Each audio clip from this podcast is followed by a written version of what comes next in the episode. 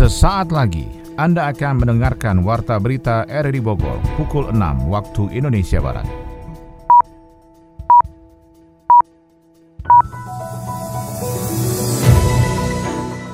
Selamat pagi dan salam jumpa. Kembali kami hadir dalam Warta Berita edisi pagi ini, Selasa 10 Agustus 2021. Siaran ini bisa Anda dengarkan melalui audio streaming pada aplikasi RRI Play di smartphone Anda dan juga Anda bisa dengarkan di Radio Tegar Beriman Kabupaten Bogor.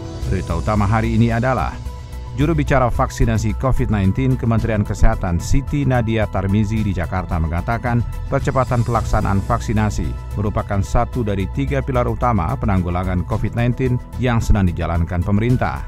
Pemerintah Kota Bogor memberikan insentif pajak bagi pelaku usaha di Kota Bogor yang terimbas kebijakan PPKM. Bisa menjembatani keputusan pusat itu ke kitanya itu jauh lebih soft dong. Bersama saya Maulana Isnarto, inilah Warta Berita selengkapnya.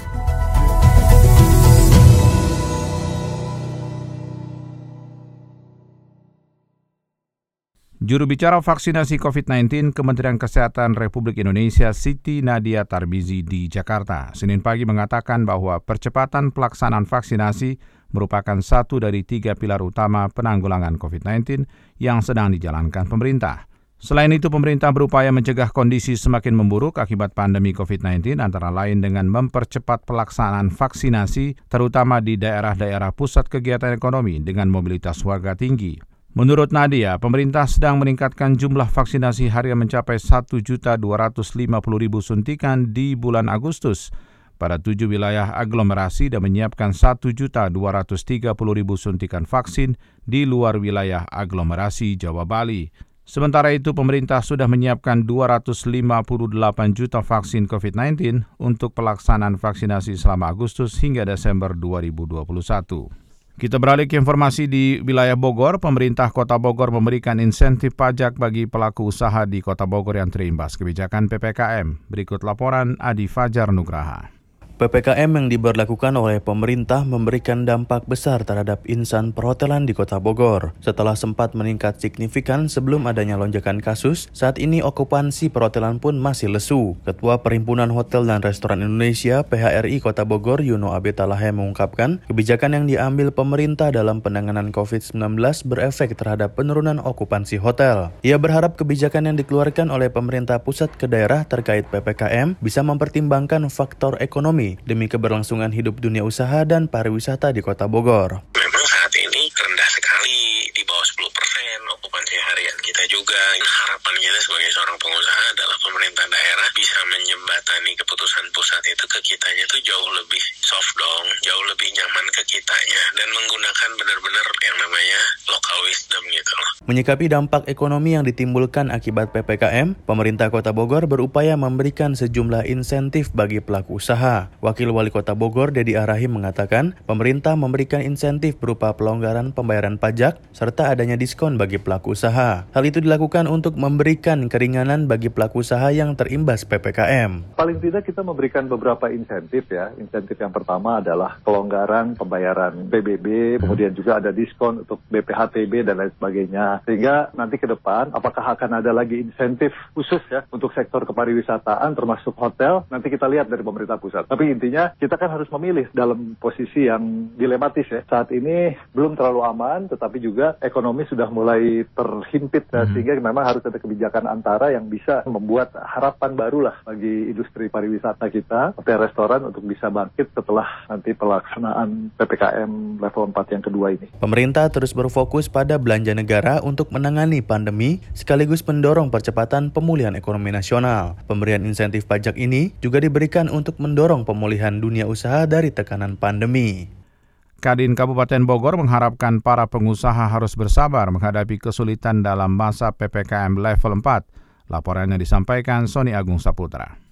Hampir semua pengusaha dan pedagang di Bogor dan sekitarnya merasakan dampak negatif dari PPKM level 4 yang saat ini masih berjalan. Sejumlah pembatasan menjadi salah satu bagian dari berkurangnya omset pedagang saat memasuki PPKM darurat hingga level 4 ini. Salah seorang pengusaha transportasi di Bogor, Geri Widiana, menyampaikan saat ini hanya bisa mengoperasikan 2 per 3 dari armadanya dengan adanya pembatasan dan penghematan yang berlangsung saat PPKM PPKM ini. Pengusaha tetap harus bersabar menghadapi suasana pandemi COVID-19 agar bisa melawan virus penyakit yang saat ini melanda dunia. Untuk sektor dunia transportasi, pemerintah harus memikirkan penumpang yang belum teredukasi dengan baik saat menjalani tes swab antigen ketika ada satu produk dikeluarkan produk aturan itu memang harus seimbang dengan penerapan dan pengawasannya. Jangan sama karakteristik penumpang bis dengan karakteristik penumpang kereta dan pesawat itu berbeda jauh. Ketika penerapan syarat-syarat perjalanan sekarang ini harus diterapkan, penumpang kereta dan penumpang pesawat itu sudah akan otomatis mereka bawa persyaratan tersebut. Kalau penumpang bis jangankan disuruh bawa, mereka tahu aja nggak rapid antigen itu apa. Itu loh perbedaan mencoba mencoloknya, bahkan tahu saja tidak gitu loh. Makanya harapan kami ketika memang kami harus menerapkan per, aturan permasalahan syarat perjalanan tersebut, ayolah pemerintah juga memfasilitasi kami. Tolonglah sediakan rapid antigennya di masing-masing terminal. Menyikapi hal tersebut, Ketua Kadin Kabupaten Bogor Sinta Desesawati menjelaskan pemerintah pusat sampai daerah tidak tinggal diam dalam menghadapi pandemi yang berdampak pada sektor industri perdagangan dan jasa. Banyak pengusaha yang justru pada saat pandemi tetap berjalan seperti konstruksi dan real estate yang masih bisa menjalankan roda usahanya. Untuk itu pihaknya mendorong pengusaha yang bisa mendapatkan keuntungan saat pandemi bisa membantu pengusaha lainnya terutama sektor UMKM dan PKL dengan membeli produk yang dibagikan kepada masyarakat isoman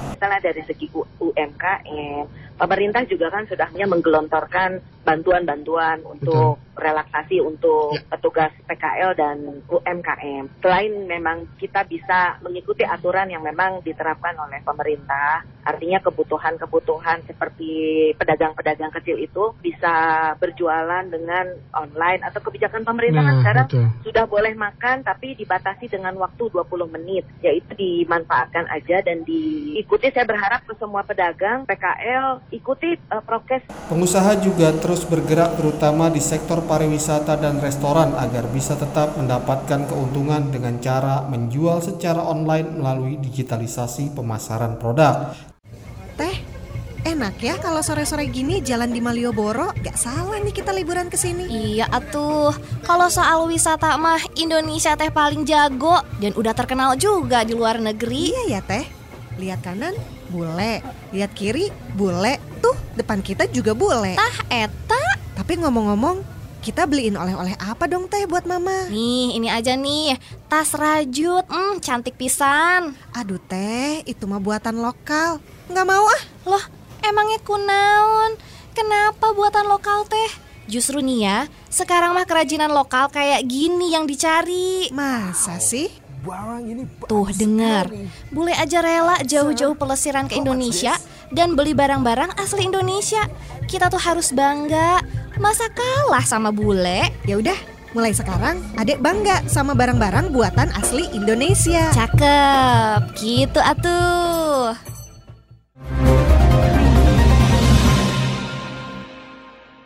Dampak pemberlakuan PPKM Omset pedagang Bendera Merah Putih musiman mengalami penurunan. Rizka Dwi Rizky melaporkan. Jelang hari ulang tahun ke-76 Republik Indonesia, sejumlah penjual bendera musiman mulai banyak berjualan di sepanjang jalan. Salah satu pedagang bendera merah putih mengeluhkan sepinya pembeli, seperti yang dialami oleh Andri pedagang bendera di Jalan Jenderal Sudirman, Kota Bogor, merasakan dampak dari pemberlakuan PPKM. Sehari Andri hanya menjual lima bendera saja, Andri berjualan dari jam 6 pagi hingga jam 6 sore. Berbeda dengan tahun sebelumnya, ia bisa menjual 20 bendera per hari. Sedangkan di masa PPKM ini, penjualan bendera Andri mengalami penurunan. Dari jam 6 sampai jam 6, ya agak mengurangi sih. Tapi ya dapat lah buat makan mah dapat. Gak kayak tahun kemarin-kemarin. Lebih tahun sepi tahun, tahun sekarang.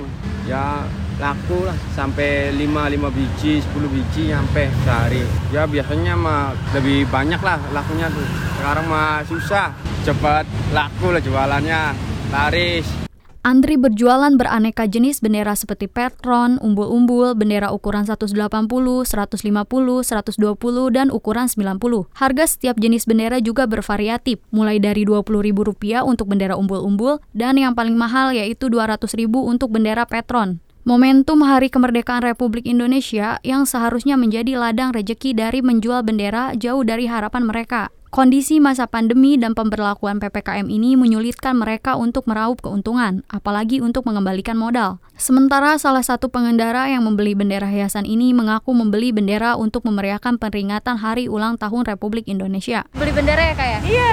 Uh, bendera jenis apa kayak yang dibeli? Tadi yang kayak umbul-umbul sih, yang panjang. Untuk itu, lihat kami. Andri dan para pedagang lainnya berharap agar pandemi COVID-19 segera berakhir dan ekonomi kembali pulih. Program pembatasan kegiatan masyarakat mikro level 4 di Bogor masih menunggu keputusan dari pemerintah pusat terkait upaya perpanjangannya.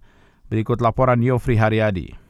Program pembatasan kegiatan masyarakat mikro PPKM level 4 di Bogor masih menunggu keputusan pemerintah pusat terkait perpanjangannya. Sementara gejolak penolakan perpanjangan dalam aturan itu pun muncul di permukaan, terutama para pedagang dan pengelola objek wisata yang terdampak langsung akibat pemberlakuan tersebut. Salah satunya di kawasan Puncak Bogor. Para pedagang di sekitar kawasan Gunung Mas mengibarkan bendera putih, sementara pengurus PHRI Kabupaten Bogor lebih memilih jalan dialogis dengan pengambil kebijakan untuk mencari jalan keluarnya. Pengibaran bendera putih itu pun ditegaskan Ketua Kelompok Sadar Wisata Pokdarwis Puncak Bogor, M. Teguh, hanya simbol aspirasi mereka sebagai pedagang kecil. Bendera putih mah hanya tujuannya menyampaikan masyarakat pelaku pariwisata, wisata menyampaikan pada pemerintah, ya tolong netralisir untuk kegiatan pariwisata di puncak ini gitu. Ya minimal wisatawan ya bisa masuk lagi puncak karena udah satu tahun lebih ini kegiatan pariwisata di puncak mati total itu hanya untuk yang menetralisir agar ya bisa bekerja, bisa mencari nafkah untuk menghidupkan istri anak-anaknya. Penerapan PPKM level 4 putaran kedua di Kabupaten Bogor yang berakhir Senin 9 Agustus ini pun mendapat respon dari Muspida Kabupaten Bogor. Kapolres Bogor AKBP Harun menjelaskan PPKM level 4 tidak melarang pedagang kaki lima untuk berjualan dan masih membuka ruang masyarakat menjalankan usahanya dengan penerapan prokes ketat. Memang dalam PPKM level 4 sekarang ini ada beberapa yang mendapatkan kelonggaran terkait terutama pedagang kaki lima. Maka ini nanti kita cek bagaimana pelaksanaan di lapangannya, bagaimana dia harus menjaga protokol protokol kesehatan, terutama menjaga jarak di antara pengunjungnya. Tapi kita lihat tadi lebih banyak kan yang masih take away. Mereka juga menyadari bahwa kepentingan kesehatan mereka sendiri juga lebih penting, lebih utama. Masyarakat sudah memahami pentingnya menjaga kesehatan, apalagi sama-sama mengetahui pandemi COVID-19 ini. Jika dilihat dari kondisi di lapangan, jenis usaha seperti taman hiburan berbayar sekelas Taman Safari misalnya adalah yang cukup banyak mengalami kerugian. Humas Taman Safari Indonesia Julius mengatakan pihaknya sudah berkali-kali mengcancel dibukanya wahana wisata tersebut, sementara tiket online sudah habis terjual. Julius juga menginginkan PPKM Mikro juga tidak merugikan pelaku usaha kecil yang menjadi mitranya. Kita belum tahu hasilnya, kan nanti akan dievaluasi, tetapi harapannya sebagai pelaku wisata, pelaku usaha, PHRI ya secara netral sih pengennya semua lancar. Termasuk juga tidak ada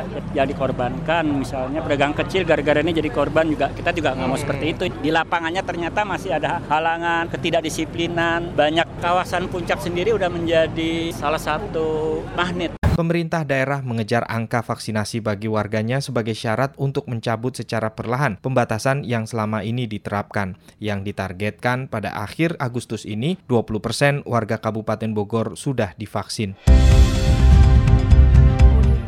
Anda tengah mendengarkan Warta Berita RRI Bogor. Dari dunia ekonomi, dikabarkan Indonesia berhasil keluar dari resesi karena pertumbuhan ekonomi di kuartal kedua 2021 mencapai 7,07 persen. Sayangnya pengumuman itu diiringi dengan ancaman pengangguran hingga kemiskinan yang meningkat. Kita akan ikuti laporan Rizka Dwi Rizky. Indonesia berhasil keluar dari resensi karena pertumbuhan ekonomi di kuartal 2 2021 mencapai 7,7. Sayangnya pengumuman itu diiringi dengan ancaman pengangguran hingga kemiskinan yang meningkat. Direktur Riset Center of Reform of Economic atau KORE Indonesia Peter Abdullah mengatakan, adanya PPKM saat ini membuat ekonomi melambat. Hal itu diprediksi membuat pengangguran dan kemiskinan akan meningkat lagi. Di tengah pengumuman ekonomi yang tumbuh, justru kata Peter Indonesia saat ini sedang menghadapi gelombang PHK atau banyak pegawai yang dirumahkan. Berdasarkan data Badan Pusat Statistik atau BPS terakhir, pada Februari 2021 pengangguran di Indonesia sebanyak 8,75 juta orang. Jumlah itu sebenarnya sudah menurun 0,81 dari posisi Agustus 2020 menjadi 6,26 atau sebanyak 8,75 juta orang. Sedangkan angka kemiskinan pada Maret 2021 mencapai 27,54 juta. Hal ini memang menurun 0,01 juta orang dibandingkan September 2020. Tapi jika dibandingkan dengan periode Maret 2020 terjadi peningkatan 1,12 juta orang. Dari dunia olahraga, pelatih Persib Bandung Robert Albert mengajak Boboto mendukung tim kesayangannya dari rumah pada gelaran kompetisi Liga 1 2021 untuk mencegah penyebaran COVID-19. Sementara itu atlet Kempo Kabupaten Bogor untuk babak kualifikasi Poprov ke-14 Jawa Barat 2021 sedang dipersiapkan performa terbaiknya sebelum bertanding perebutan tiket menuju pentas olahraga paling akbar di Tanah Pasundan 2022. Dua informasi olahraga tersebut akan disampaikan Ermelinda.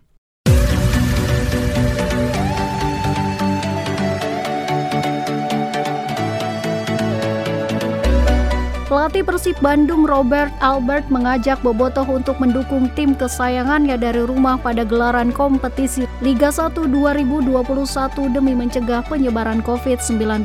Robert dikutip dari laman resmi klub Minggu berharap mendapat dukungan penuh dari Bobotoh untuk mengarungi Liga 1 2021.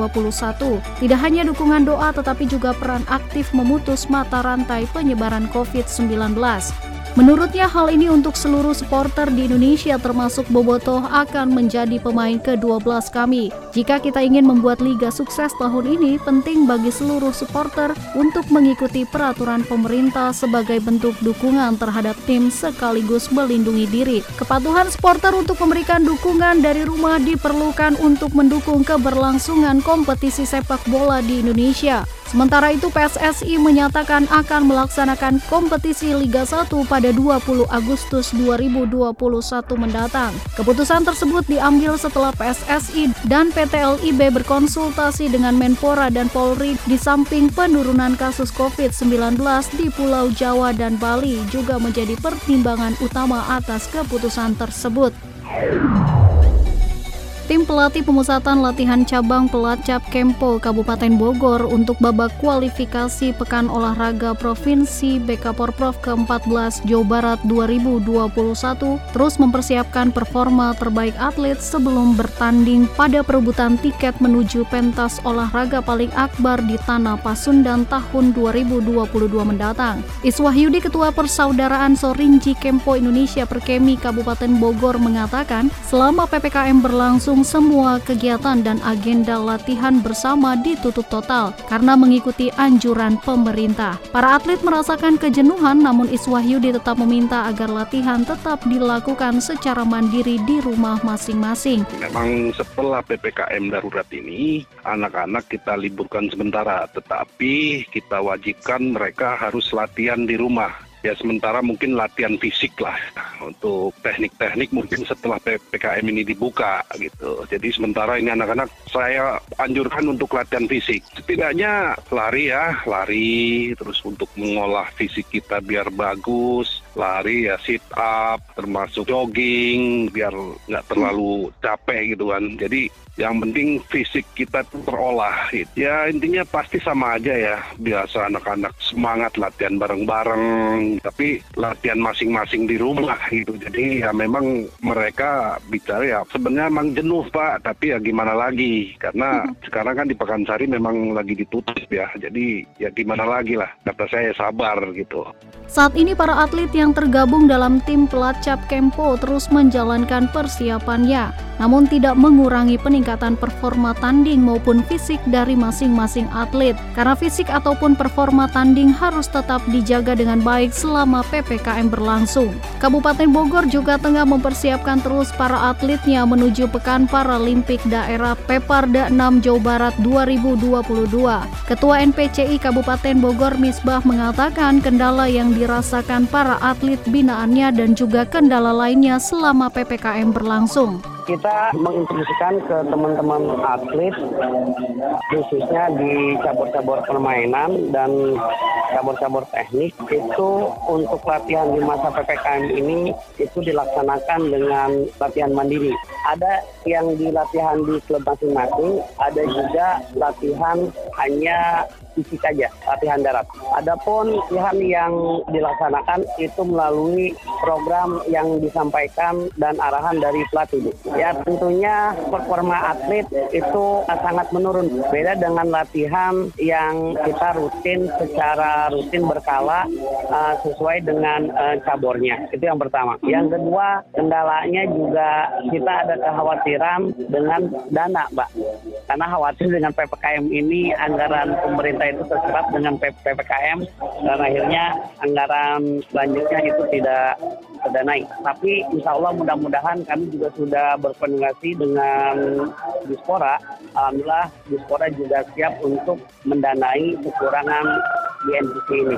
Sebelumnya Komite Olahraga Nasional Indonesia KONI Kabupaten Bogor memastikan jika pihaknya akan mengikuti instruksi yang memang sudah ditetapkan pemerintah daerah Pemkap Kabupaten Bogor melalui Bupati Adi Yasin kaitan dengan aturan PPKM level 4, yaitu dengan penutupan semua fasilitas seluruh cabang olahraga dan tempat latihan lainnya selama masa PPKM berlangsung sehingga hal ini menjadi kendala bagi para cabur untuk berlatih menjelang babak kualifikasi Porprov ke-14 Jawa Barat 2021 maupun Porprov dan Peparda ke-6 2022 mendatang.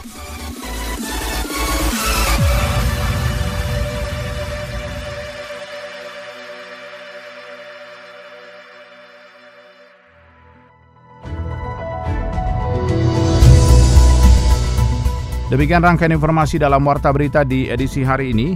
Sebelum berpisah kami sampaikan berita utama. Juru bicara vaksinasi COVID-19 Kementerian Kesehatan Siti Nadia Tarmizi di Jakarta mengatakan percepatan pelaksanaan vaksinasi merupakan satu dari tiga pilar utama penanggulangan COVID-19 yang sedang dijalankan pemerintah. Pemerintah Kota Bogor memberikan insentif pajak bagi pelaku usaha di Kota Bogor yang terimbas kebijakan PPKM. Siaran ini bisa didengarkan juga melalui podcast audio di Spotify, Anchor, Potel, dan Google Podcast. Mewakili kerabat kerja bertugas, saya Maulana Islato mengucapkan terima kasih atas perhatian Anda. Selamat pagi.